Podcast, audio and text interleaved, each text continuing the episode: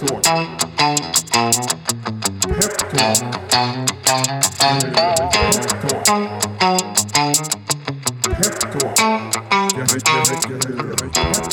Då säger vi äntligen ett nytt avsnitt av Peptalk. Idag är en eh, Ja, men en, väldigt stor dag tycker jag och en eh, stor dag. Det eh, kommer bli ett fantastiskt avsnitt tror jag för att jag har med mig en väldigt, väldigt spännande gäst och eh, ytterst liksom central eh, i eh, liksom bolaget bakom den här podden Peptalk. Eh, podden Peptalk kommer ju från Peppins och idag har jag äran att ha med mig vår eminenta VD Julia Rysner. Varmt välkommen! Tack så hemskt mycket. Känns det att vara här då? Ja men eh, spännande. Vi står alltså i ett eh, rum hos eh, Finwire och spelar in där liksom allt ljud dör. Väldigt bra studio helt enkelt. Hur, eh, det här är inte poddpremiär för dig? Nej absolut inte. Dels har jag blivit intervjuad av dig en gång förut. Just det, det har jag i uppesittarkväll. Just det. Mm, Då hade vi också kameran på. Det är jag faktiskt jätteglad att jag slipper den här gången. Ja. Ja, vi, jag, jag är också glad. Men vi hade nog klarat oss ganska bra med kamera både du och jag idag tycker jag. Absolut. Ehm, ja, den gången, eh, det är ju faktiskt snart, eh, det börjar närma sig två år sedan eh, Mm. vi, vi sågs där. Eh, och då var du ganska nybakad vd på, på Peppins, eller hur? Mm, precis, men nu börjar jag bli varm i kläderna. Nu börjar det bli varm i kläderna. Men om vi ska liksom, och vi kommer komma in på det, eh, så inve- investerarna, våra lyssnare också blir, eh, blir varma. Men om vi ska liksom köra lite uppvärmning idag, vem, vem är Julia? Eh, Du menar i tillägg till vd för Peppins? Nej men du får säga precis vad du vill, du får liksom dra pitchen om dig själv. Ja, Okej. Ja men eh, vad ska man säga då? Jag är en eh, person som är intresserad av eh, tillväxt, eh, digitala affärsmodeller och eh, skapa nya bolag. Ja just det. Min arbetsmässiga profil. Privat så är jag mamma och hustru och bästa kompis och ja, någon som försöker ta hand om mig själv också. Ja, härligt. Hela, hela paketet helt enkelt. Ja. Eh, både proffs och också helt vanlig då. ja, det Ja. kan man i allra högsta grad. Ja. Men om vi ska liksom eh, den, här, den här resan då. Nu eh, kan man ju tänka sig när du pratar liksom med en person som gillar tillväxt och bygga bolag och så här så låter det väldigt mycket som ja men det där är ju vad en vd på Peppins ska säga. Men eh, du har ju liksom eh, Tur att du tyckte det tycker jag. Ja, nej, men, ja men, men sen vill man ju också veta så här, vad, vad finns det liksom för grund i det här? Och det är ju inte bara, det här har inte du bara kommit fram till tror jag eh, sen du blev vd på Peppis utan Nej. du har ju faktiskt jobbat med de här grejerna ganska länge. Eh, om vi ska liksom börja, börja från början. Vad, liksom resan fram till Peppins, var, var började det riktigt långt bak? Vi kan börja i skolan till och med. Ja, ja, jag vet inte, jag ska inte bli så långrandig om skolan men jag har pluggat ekonomi Ja. eh, både i Uppsala och sen på Handels. Och eh, som alla som gick på Handels då så valde man mellan om man skulle börja på investmentbank eller på eh, konsultbyrå. Mm. Och jag tänkte att jag gillar att räkna så jag började på investmentbank. Så jag gjorde ett år på det famösa, eller numera kanske lite infamösa, Lehman Brothers. Oh, Jobb. en av dem alltså. Mm, en av dem. Men idag är man väl nästan lite liksom, stolt för det. jag, jag mött ganska många i finansbranschen som liksom, nu skryter man nästan lite med det för det är nästan lite, lite coolt att vara, varit med i det här mytomspunna Lehman Brothers. Jag var ju där dock långt före kraschen och, och ganska... Ja men det, det säger de flesta. Det är Ja. ingen som vill vara med just då. Nej, det stämmer. Det stämmer. Ja, nej, men det var i alla fall mitt första jobb och sen eh, var jag på riskkapitalbolag. Just det. Finskt bolag som heter Kapman och eh, gjorde investeringar i små och medelstora teknikbolag, tillväxtbolag, ungefär som vi jobbar med på Peppins idag. Så jag eh, jobbade väldigt nära många av de här bolagen och såg både vilka liksom, utmaningar de stöter på och hur spännande och kul det var med den här resan med de här eh, bolagen som ska liksom forma vår framtida, vårt framtida samhälle. Bolagen har vårt framtida samhälle i alla fall. Det låter som att någon borrar i huset nu. Mm. Vi får se om det kommer höras eller inte. Men Ja, vi fortsätter. Ja, vi, vi låtsas oberörda. Ja, Eh, ja förlåt. Nej, men så, det, Mm. så det gjorde jag i sju åtta år. Det var jättekul och jättelärorikt och det var också spännande att se liksom vilken slags utmaningar de här bolagen möter. Mm. Både de vi investerade i och de vi inte investerade i. Och det kan man säga väl ett par saker. Det ena var ju såklart att hitta kapital. Mm. Det är supertufft. Nålsögat är väldigt, väldigt litet hos alla riskkapitalisterna. Och eh, för de här bolagen finns det inte jättemånga alternativ. Man kan vända sig till riskkapitalbolag och man kan vända sig till ett, liksom ett fåtal affärsänglar som har tillräckligt mycket pengar för att kunna hjälpa till. Men riskkapitalbolagen, var kommer deras pengar ifrån? De kommer oftast från institutioner. Ja, just det. Men eh, utöver det så hade de ju nästa utmaning och det var att även de bolagen som fick pengar av oss så hade en fantastisk liksom, management, affärsmodell och liksom, fa- fantastiska idéer som bara skulle förverkligas. Mm. Så det är ganska tufft.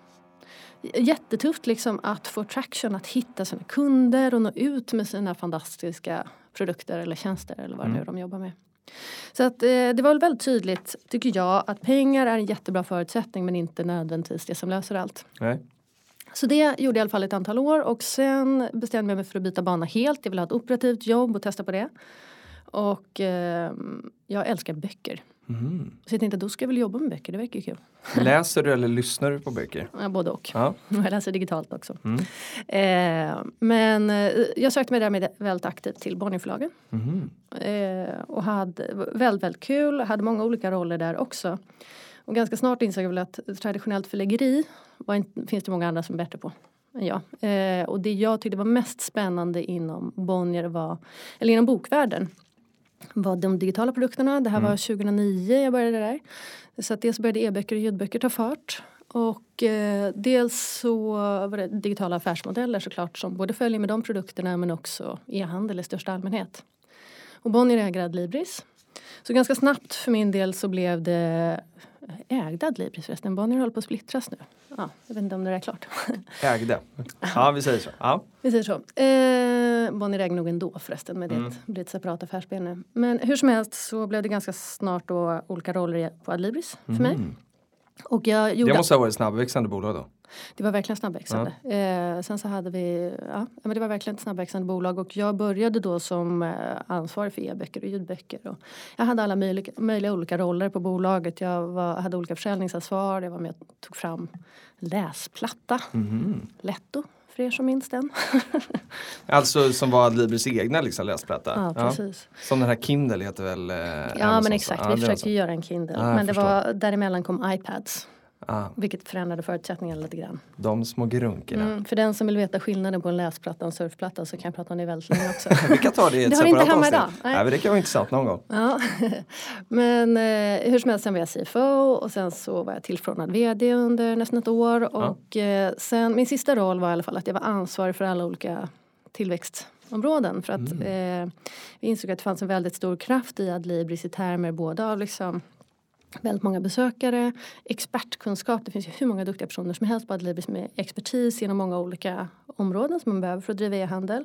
Och i termer av vår storlek så hade vi också fördelaktiga avtal med, vi hade egen logistik, vi hade bra avtal med betalleverantörer, fraktleverantörer, allt sånt. Eh, så vi bestämde oss för att, eller mm, tillsammans med Bonnier egentligen, satsa på att eh, expandera det här till andra områden. Och börja sälja andra produkter helt enkelt. Så att jag höll på med det i eh, ett och ett halvt år. Och vi köpte lite sajter och vi byggde lite sajter, eller byggde tillsammans med TV4 bland annat en sajt. Eh, så efter ett och ett halvt år så hade vi fyra sajter som omsatte ett par hundra miljoner. Och det här var lite drygt två år sedan och jag hade då ett samtal med min dåvarande chef. Väldigt klok och bra- person som sa att "Ja, men nu, nu har vi bevisat att det här funkar, nu ska vi bara växa. Mm. Så att om två år ska det omsätta en miljard. Så köp fler sajter, starta fler sajter.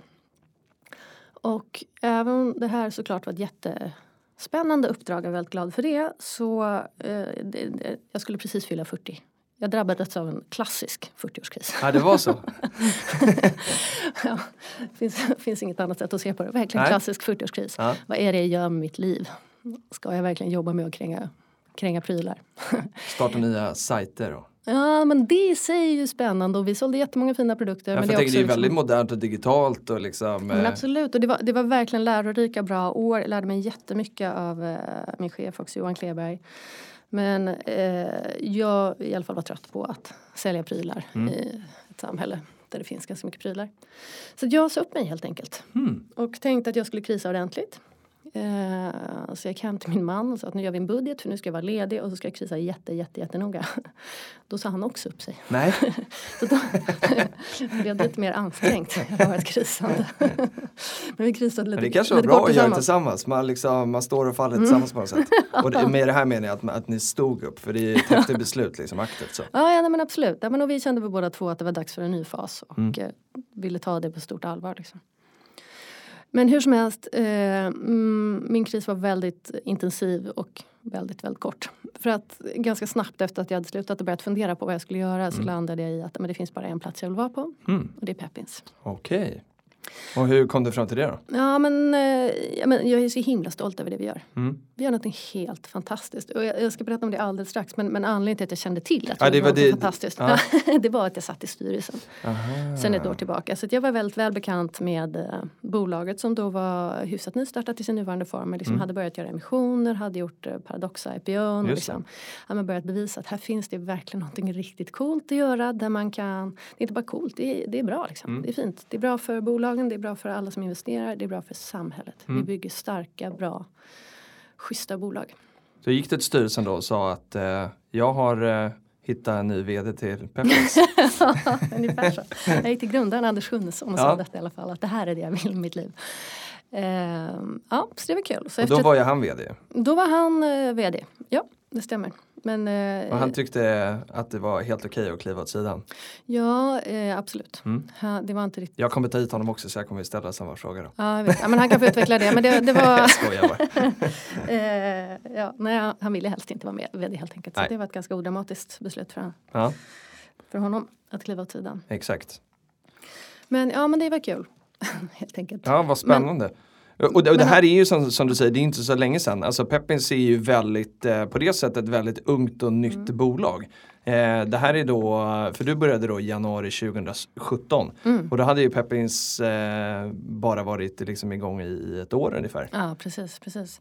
Så det var ganska nytt och, eh, och därmed, eh, det är vi är fortfarande ganska nya. Vi lär oss fortfarande nya saker hela tiden och försöker ju att aldrig stanna utan ständigt utvecklas Mm. och, och förbättras och göra nytt och Mm. bättre hela tiden. Men om jag bara skulle liksom knyta ihop säcken där kring Ja, gärna. ja, jag tänkte bara varför jag tycker att det vi gör är Ja, fantastiskt. ja, så, för det hä- hänger lite samman med min historik då också där jag både har jobbat med bolag i de här faserna tidigare eh, och sett vilka utmaningar de har men också jobbat med digitala plattformar och liksom vet vilken kraft det finns i dem. Man Mm. använder dem på ett bra sätt. Och de här sakerna kombinerar ju vi på Peppins då eftersom vi crowdfundar aktier i tillväxtbolag så att man får med på resan. Så det som händer tycker jag är att dels så hjälper vi massor med bolag Mm. i ett superviktigt skede där de både behöver kapital såklart för att klara, klara av sin expansion och tillväxt. Men de behöver som sagt mycket mer. Och det man får genom crowdfunding är att man får ju med sig massor med entusiaster på resan. Så man får med sig sina kunder och sina ambassadörer redan från början. Så vi brukar säga att vi ger dem cash, kunder och community. Just det, Allt cash, kunder, community. Mm. Och bara snabb recap på crowdfunding då. Det, är, det Men jag hann inte berätta klart. Nej okej, nej, nej, nej, nej men okej, det är- fortsätt så kommer vi tillbaka dit. Ja men precis, Ja. för det är den ena sidan att vi hjälper bolagen i, till, i eh, ett skede när det är jätteviktigt för dem. Både att hitta Exakt. kunder och att hitta, sina, eh, hitta pengar för att Mm. nå dessa kunder. Men i andra änden så vi har ju en annan kund också och det är alla som investerar. Mm.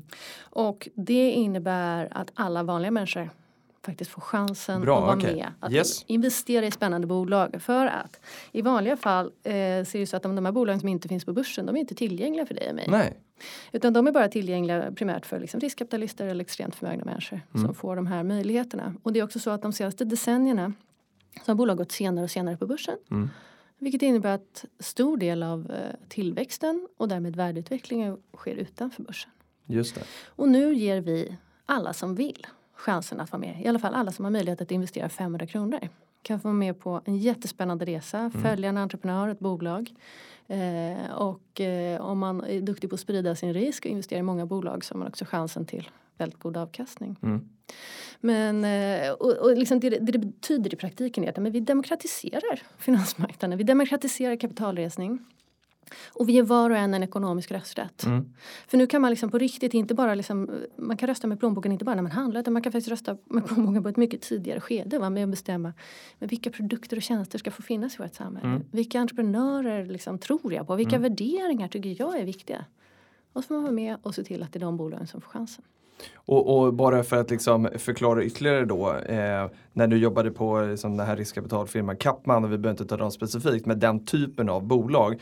Eh, det här med att eh, den här onoterade marknaden då, eller den här typen av bolag utanför börsen är otillgängliga för oss, handlar mycket om att för, hade du eller jag kommit till Kapman eh, eller någon riskkapital och sagt att hej, jag har 2000 kronor som jag vill investera i fond, så hade de sagt Ja, nej nej, tack. det- ticketen är lite större än så. så nej, Ja, det, det, det är de här institutionerna och stora banker och försäkringspengar och sådär. Ja men precis, det är stora pengar. Så att det är någonting helt annat än det vi får chansen att vara med om. Just det. Och så crowdfunding då, eh, väldigt många hjälper till med väldigt lite eller så mycket som de vill då för att skapa liksom någonting stort tillsammans. Ja men så är det ju. Jag menar, hos oss får ju alla chansen att investera på prof- professionella villkor. Alla får samma chans och det är först till kvarn. Och det betyder att oavsett om du ska investera 500 kronor eller 5 miljoner och vi har hela spreaden däremellan så får du exakt samma villkor.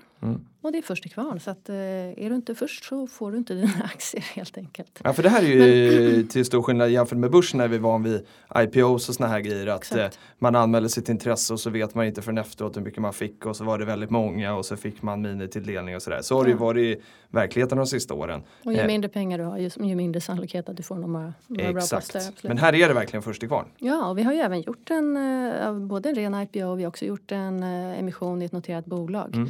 Och det är väldigt enkelt. Alltså hos oss, så den som trycker på knappen först och går igenom kassan och betalar Mm. får direkt tilldelning av det de vill ha. Men om man bara ska eh, backa lite liksom kring, eh, ja, men kring, eh, mer kring vad crowdfunding är. Mm.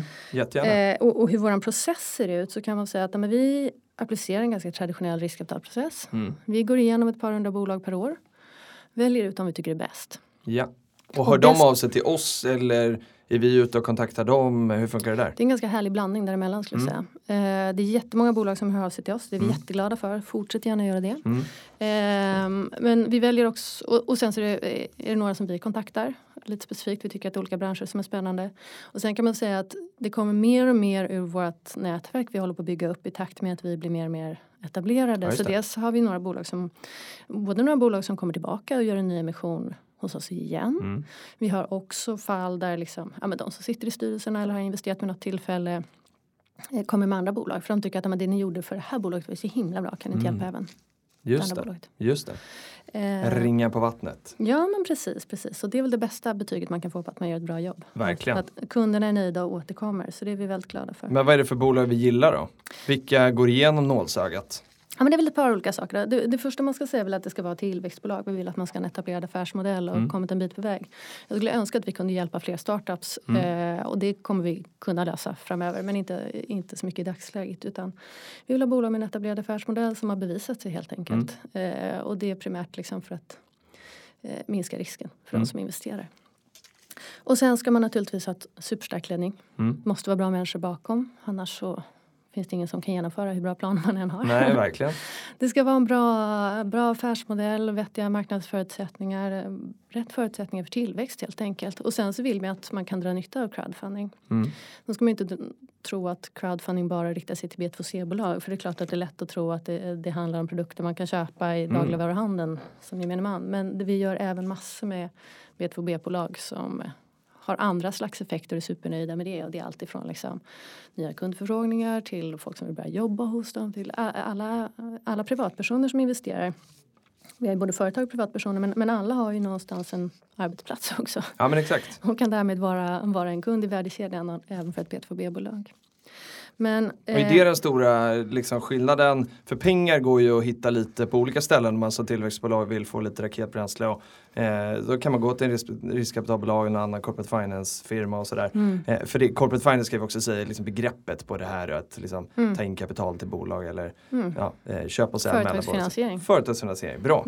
Eh, och, eh, och, och, och i det då så liksom, så pengar och idag när pengar är ganska gratis så finns det på många ställen. Så jag gissar att det kanske är den här andra delen då med, med, eh, med just eh, delägarskapet, ambassadörsgrejen, att det är en viktig USP för oss. Ja, ja, så är det ju absolut. Alltså, bolagen kommer ju till oss, de väljer bort då riskkapital eller någon annan finansieringslösning för, till förmån för att få vad de tycker är smartare pengar. Mm. Det vill säga de får massor med engagerade delägare. Men ur vårt perspektiv så är det fortfarande som sagt att vi går igenom hundratals bolag, väljer ut de som är bäst och utöver de här sakerna vi nämnde så tycker vi att det ska vara en etisk affärsmodell. Eh, och så måste det finnas en vettig värdering. Man kan säga att de två vanligaste anledningarna till att vi tackar nej är väl antingen att eh, vi tycker att värderingen är så hög. Mm. Det finns ingen anledning att, att försöka göra någonting av det. Vi, vi sätter inte värderingen men om vi tror att den är helt om vi tycker att bolaget kommer med en vansinnig värderingsförväntan då är det ingen vits att vi försöker en emission för att Nej. det kommer aldrig lyckas. Och det andra är väl att det är för tidigt skede ofta. Mm. Men eh, Och där blir ju den sitsen av att vi har liksom två, två kunder egentligen, både bolaget och investerarna. Så kan vi inte ta in bolag med helt galna värderingar som lurar inom citationstecken investerarna då. Utan Nej. för oss är det viktigt att kunna se till att det, det blir något som båda grupperna gillar. Då. Absolut. Men, men som sagt det är också viktigt i det att säga att vi, vi, det är inte så att vi sätter värderingen och säger att den är korrekt utan vi, Nej, nej så är det. vi, vi eh, gör en bedömning av om vi tror att det, det är eh, rimligt att Mm. resa pengar på den här nivån. Men eh, vad som exakt är rätt det kan inte vi svara på. Det är vad folk vill investera helt enkelt. Men sen hur som helst, när vi då väljer, det liksom, när vi väljer att gå vidare med ett bolag så gör vi först en eh, finansiell due diligence Mm. med någon av de stora revisionsfirmorna. Genomlysning. Exakt. Ja. Due diligence betyder eller företagsgenomlysning i det här fallet i alla fall. Där man kollar igenom bolagets finanser att, eh, på ett översiktligt plan ser att allting ser vettigt och bra ut. Drar en UC och sådär. Mm. Eh, precis som ett riskkapitalbolag skulle Mm. jag säga. Och när vi har gjort det då har vi återigen, då kan vi kliva ifrån och det är viktigt att säga att det gör vi också. Mm. Ehm, för vi, det, liksom, det, det måste vara ordning och reda i bolaget annars Mm. kan vi inte göra en emission. Nej.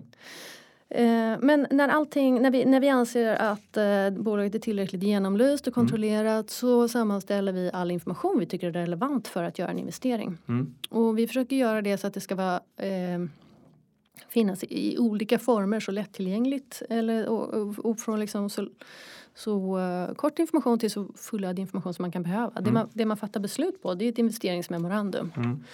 eh, som är ganska diger produkt.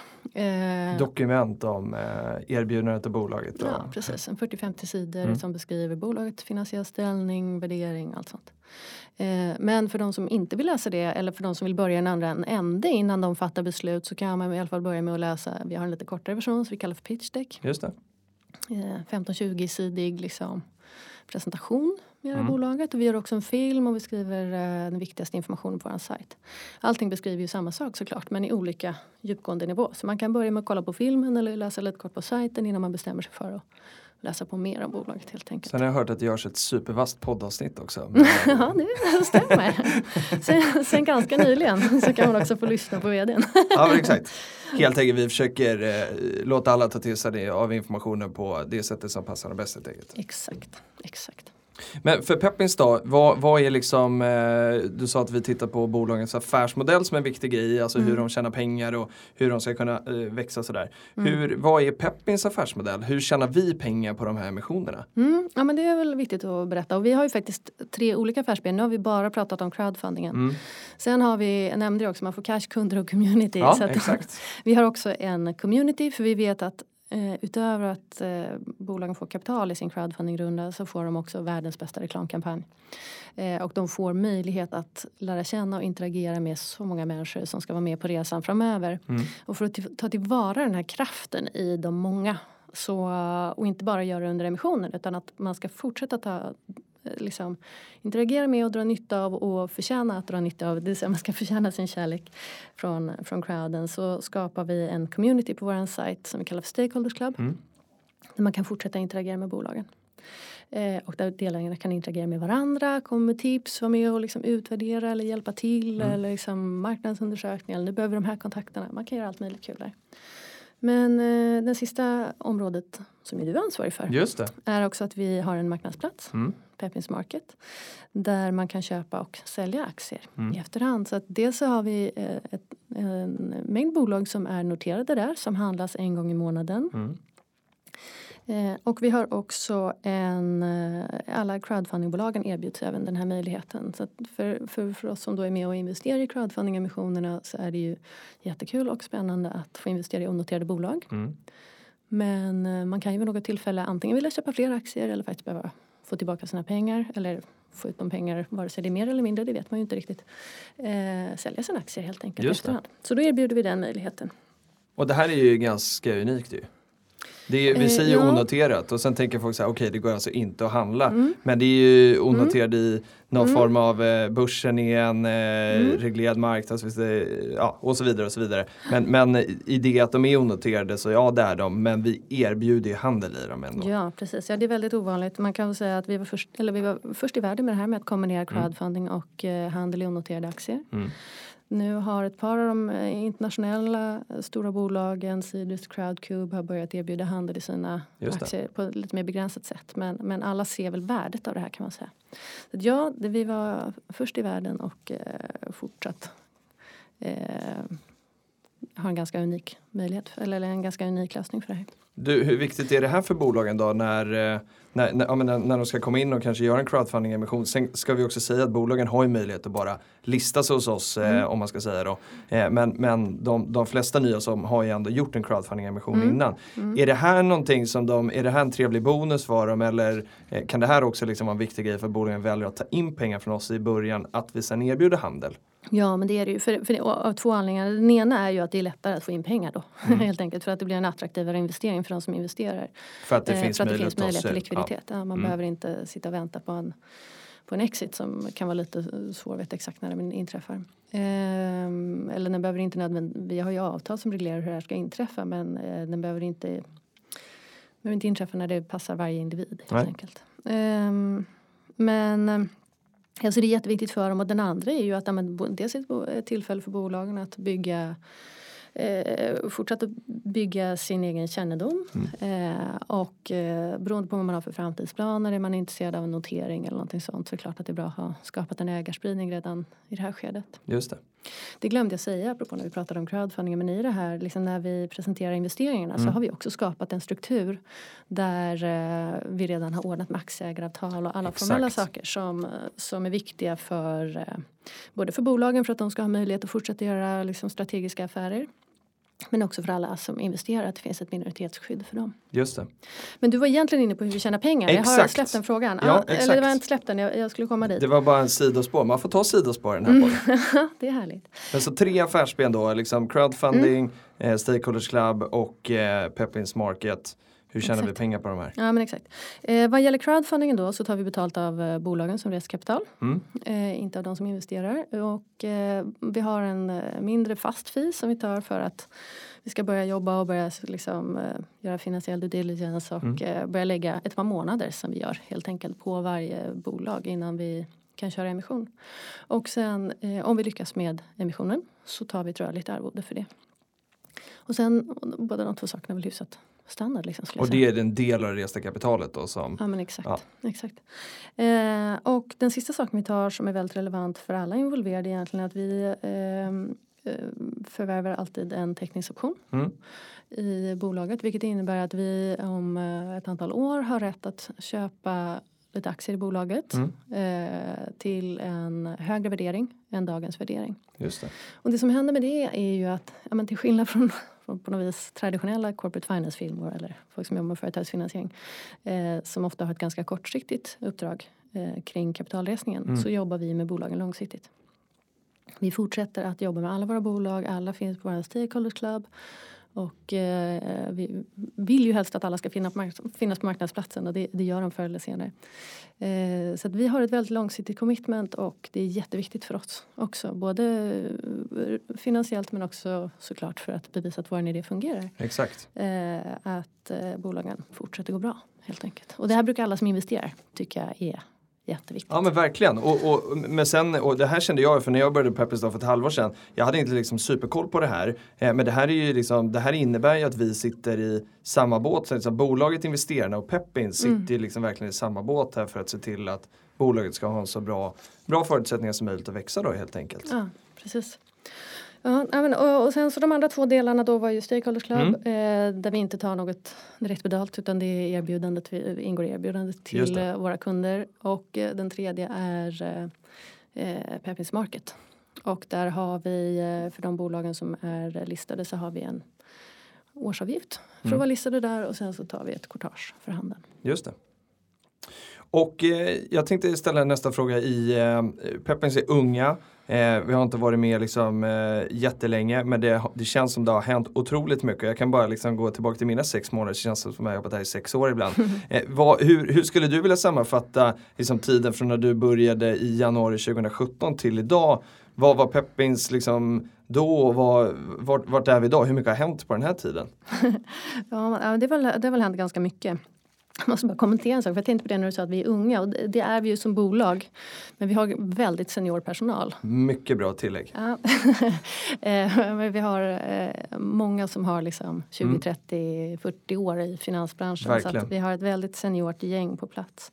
Även om vi sen också har många unga människor. Så Ja, vi har en, liksom, en bra spread på, på ålder och erfarenhet och även på kompetens. Det är ju ganska häftigt att det liksom finns så många experter inom Mm. olika, det är liksom allt från teknik till legalt, till digital marknadsföring, till naturligtvis corporate finance, ekonomi. Ja. Eh, Ambitionen brand. är att ni ska få höra alla i den här podden. Så att Mm. eh, de kommer, både de här är liksom äldre erfarna och alla behöver inte nödvändigtvis vara gamla i ålder men de har lång erfarenhet. Och så alla unga naiva som mig och Latif och så vidare då, som, som ska lära oss. Då. Exakt, exakt. Eh, men du frågade vad som hade hänt de senaste ett och ett halvt åren. Mm. Eh, ja men det är som sagt det händer ju så mycket saker så att det är svårt att hålla i huvudet. Men, men de största liksom, grejerna är väl att men när jag började så var det eh, eh, inte någon ordentlig organisation egentligen kan man säga. Det var alla hjälpte till lite överallt. Mm. Så det gör vi fortfarande ganska mycket ska Mm. man säga för att det är, vi är ändå bara ett 20-tal och vi gör väldigt mycket eh, olika saker så att alla, alla hugger in överallt där Mm. det behövs. Men sen dess har vi i alla fall satt upp en organisation med eh, lite tydligare roller. Tanken är, är ju att man fortfarande som sagt ska få hjälp med allt man vill men att det ska vara tydligt vem som gör vad. Och vem som har ansvar för att det sker. Så att, eh, ja, men ganska, ganska stora förändringar får man säga på organisationssidan. I, Mm. eh, med både hur vi, sätter upp våra, hur vi har satt upp våra affärsområden och hur vi organiserar oss efter det. Och det som, eh, jag menar, ett av mina viktigaste uppdrag när jag började var ju också att eh, skapa skalbarhet Mm. i det vi gör. Eh, för att då hade vi ju gjort, när jag började, hade vi gjort um, sex, sju emissioner kanske. Eh, och, eh, så vi hade liksom satt strukturen. Så nu var ju, men, och de första gångerna fick vi fullkomligen uppfinna hjulet. Ja.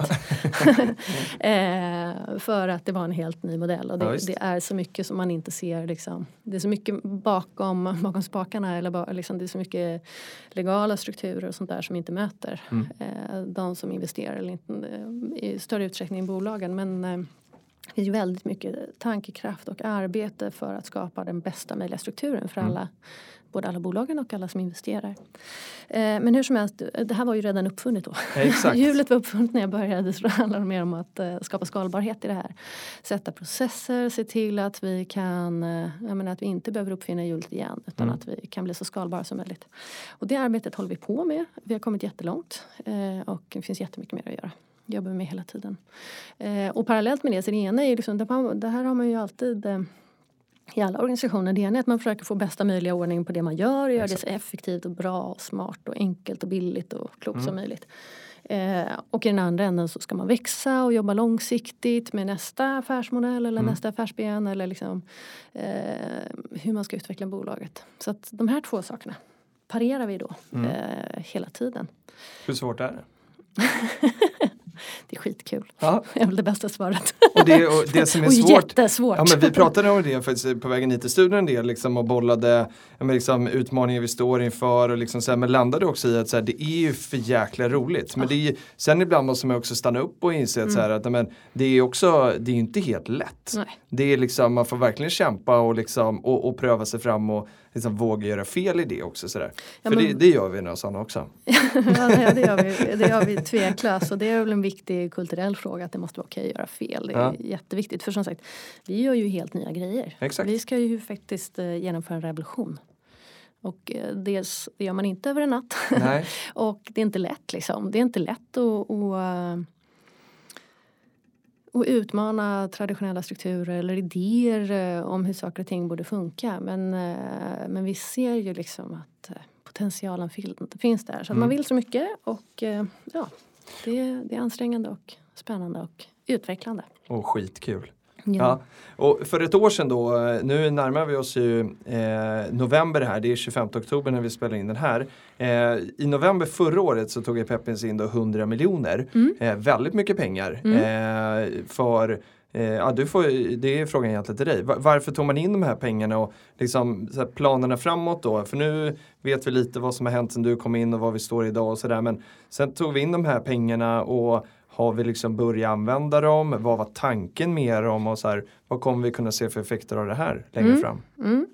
Eh, det var en bred fråga men ja, eh, allting handlar om kapitalresningen. Ja, vi tog in pengar för att ge oss bästa möjliga för- förutsättningar för att eh, fortsätta revolutionera helt enkelt. Mm. Vi, vi har eh, som sagt, vår befintliga affär jobbar vi vidare med och, och, skalar bäst vi kan. Men vi har ju också de långsiktiga planerna. Det var ju primärt det kapitalresningen handlade om. Att vi ska ha bästa möjliga förutsättningar.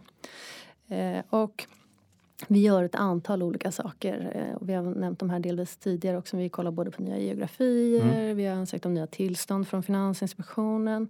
Vi vill ha möjlighet att göra både större affärer och mindre affärer. Och framförallt de större affärerna kan man säga att de, de kräver eh, en hyfsat stadkassa så att vi ska vara uppenbart en trovärdig mo- liksom, medspelare. Mm. Eh, Men egentligen handlar ju allting i grunden om att vi vill ge så många bra affärsidéer som möjligt chansen att växa. Mm. Och vi eh, vill skapa förutsättningar för bättre bolag. Och vår långsiktiga vision då som inte är allt för långt borta faktiskt. Det är väl att ja, men om vi blir tillräckligt många medlemmar. Mm. Tillräckligt många medlemmar som förstår kraften i eh, crowdfunding eller framförallt kraften i att vara många. Att många gör bättre saker än få eh, tillsammans. Så, eh, så tror vi att vi kommer kunna börja utmana dåliga bolag helt enkelt. Mm. Jag menar, för, för är man tillräckligt många människor som går samman så, så kan man faktiskt börja starta bolag baserat på de här människornas intressen. Just det. Är det man- det som är liksom kärnan i revolutionen? Ja, det är eh, ja, absolut. Mm. Det är dit vi vill. Att liksom kunna utmana de liksom, bolag som, är, som inte känner sina kunders syfte längre. Mm. Att de är för dyra eller för dåliga eller för dåliga för miljön eller vad det nu än är. Och är man tillräckligt många Mm. då kan man, då kan man som sagt vända på det här. Man kan tänka sig liksom att eh, en entreprenör med en fantastisk idé om en produkt som kommer på riktigt bättre för väldigt många människor. Mm. Istället för att försöka resa riskkapital eller liksom gå via Mm. traditionella processer och sen försöka marknadsföra ihjäl sig för att hitta sina kunder. Att man istället ger bort en stor del av sitt bolag Mm. redan från början Ja, till alla de här framtida eh, kunderna eller som kan bli kunder i samma ögonblick. Så då har man ju skapat sig helt nya förutsättningar. Tänk dig att du startar ett bolag och så ger du bort det här bolaget till 100 000 människor. Mm. Så har du helt plötsligt 100 000 kunder med på din resa. Mm. Då är helt nya förutsättningar bara över en natt för att skapa Verkligen. och driva och växa ditt bolag. Och inte då bara i, i det här, eh, för det finns ju ganska mycket i det här tycker jag som är eh, Man kan dra kopplingar till liksom de här kooperativa, Coop och Mm. jag kommer ihåg jag gick på ett dagis som var för, för, form av föräldrakooperativ. Det bygger Mm. lite på liksom samma idé att många är med och hjälps åt. Mm. Men skillnaden är att här finns det då helt plötsligt också då ekonomiska intressen och muskler exakt. på det sättet. Då. Ja men exakt så är det. För jag menar, det, jag menar delningsekonomin växer ju explosionsartat Exakt. och är ju superspännande liksom, där vi alla är med och skapar och bygger eh, företag genom att vi delar information och bilder i sociala medier. Vi delar bilar och vi delar lägenheter Mm. och allt vad det må vara. Eh, det är fantastiskt. Men, men det som händer rent ekonomiskt är att vi bidrar till en ökad maktkoncentration. Mm. Det är ett fåtal människor som äger de här bolagen. Mm. Och tänker då att man istället kombinerar de här två affärerna. Att man kombinerar crowd, liksom delningsekonomin med crowdfunding. Att alla Mm. Uber-förare får en aktie istället i bolaget. Eller att alla liksom som är med och delar sina lägenheter får aktier. Och ju mer man engagerar sig. Ju mer man delar, ju fler andra man värvar. Ja, men ju, mer, både ju mer aktier kan man få så att man har mer uppsida i bolaget. Och man kan också få en billigare och bättre produkt. För att det blir många som är med och, Exakt. och, och bidrar. jag äger min egen konsumtion där på något sätt. Ja men exakt. Ja. Ja, superhäftigt. Eh, hur, så här, framåt då, om, om vi ska liksom lyckas med den här revolutionen. Eh, om man följer oss lite grann så har man säkert sett att vi rekryterar en del. Eh, och sen pratar vi samtal, liksom skalbarhet så att det, vi kanske inte nödvändigtvis ska bli liksom en miljon människor som jobbar på Nej, Peppins. nej. Eh, men vi söker ändå liksom, eh, personer på lite olika områden. Mm. Eh, och vi behöver inte gå in på liksom rollerna specifikt utan är man eh, en person som jag vill att du ska liksom, eh, förklara vem du söker till Peppis så brukar det, så kommer jag in. Jag hörde av mig, vi matchade och så hittade vi någonting. Mm. Liksom. Och det känns lite som att det är det viktigaste för oss att hitta liksom, rätt personer. Vilka behöver vi på Peppins för att liksom, klara den här revolutionen? Ja, vi behöver modiga människor ska Mm. jag säga. eh, och då menar jag eh, inte finansiellt dristiga utan jag menar Nej. människor som är vi- villiga att lära sig och vilja, vilja att utvecklas och vilja att eh, se sig själv i spegeln och eh, se vad man kan och vad man, vad man kan bli bättre på. För vi Mm. jobbar jättemycket med det här med, eh, som sagt vi gör ju helt nya saker så att eh, det kräver att alla individer eh, utöver att vara intellektuellt kapabla också eh, villiga att ge sig in på den här resan. Att Mm. utvecklas, att utvecklas som enskilda individer och att utvecklas tillsammans. Mm. Så att vi eh, vill ha folk som vill ge sig in på en spännande personlig resa också. Mm. Och som sagt, det kräver mod. Ja det gör det verkligen. Vad kan man förvänta sig från Peppins då? Liksom, vad, vad är det för kultur du har liksom byggt under den här perioden och som kanske delvis fanns sen innan också. Det finns ju som, som du sa väldigt många eh, liksom erfarna som är och som är också väldigt engagerade i Peppins ska vi säga från styrelseägare och sådär. Mm. Vad har vi för kultur? Vad möter man hos oss? Ja, men man möter ju folk som brinner. Mm. Man möter folk som brinner för, för ett högre syfte, för att eh, men verkligen skapa någonting helt nytt, skapa någonting bättre, skapa bättre förutsättningar för alla bolag Mm. och skapa bättre förutsättningar för alla som kan vara med och engagera sig i de här bolagen. Så att vi har ju som sagt en väldigt spread på olika expertområden så man får träffa väldigt erfarna och spännande människor. Och eh, man får också förvänta sig bli utmanad av dessa människor. För att eh, ja, men vi, vi, eh, vi lär oss hela tiden, utvecklas och, och gör saker tillsammans. Så att det är väl det som är det bärande i kulturen har ju varit att eh, man ska vilja utvecklas och man ska göra det tillsammans och vi värnar om varandra och eh, vi jobbar hårt Mm. och vi har kul. Mm. och det är ganska svårt. Kan man sammanfatta det som. Väldigt bra. Ja. Och, och eh, Anders som, måste säga, som nu börjar bli lite mytomspunnen i den här podden för vi har refererat till honom några gånger Mm. utan att han har varit här. Han sa det till mig igår, eh, berättade för, det när vi, för dig när vi var på väg hit, han sa till mig att så här, det är okej att det är lite läskigt. Eh, ja, exakt. det, då vet man liksom att då är man på rätt ställe. Så där. Ja, exakt.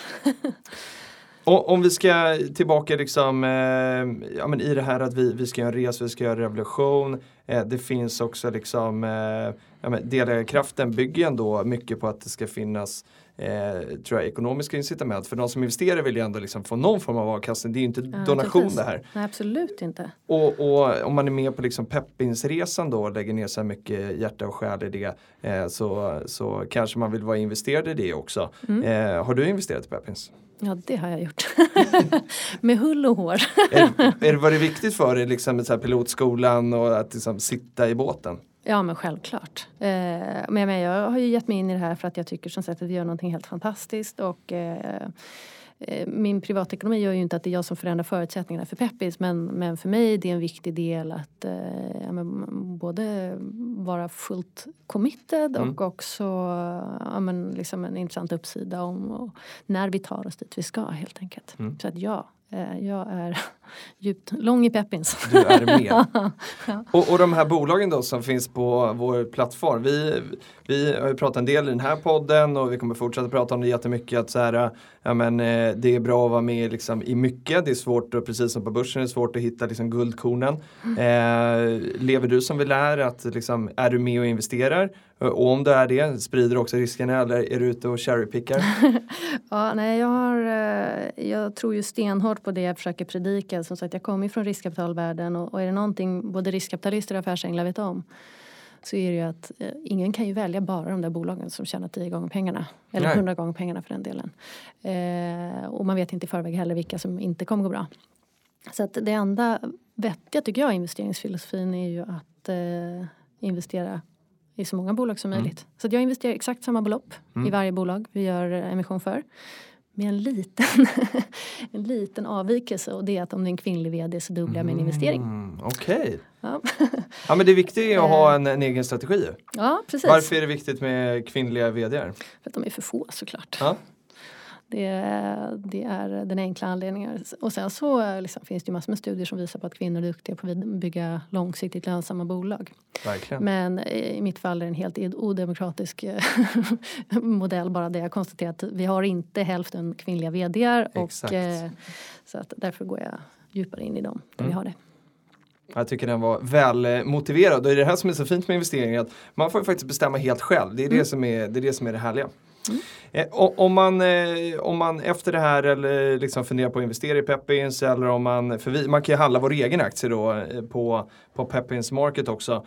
Eh, vad, vad så här, nu när vi liksom har då eh, kärnan på Peppins vd liksom med oss här. Vad är viktigt att tänka på om man är delägare i Peppins idag eller om man ska köpa? Så här, vad, vad, ska man liksom, vad ska man hålla koll på? Vad är viktigt för vår affär framåt?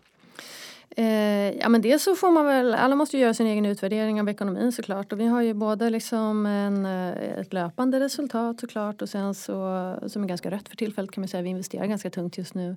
Men parallellt med det så bygger vi en spännande optionsportfölj Mm. i massor med onoterade bolag och den är ju upp till var och en att eh, värdera och tycka till om. Mm.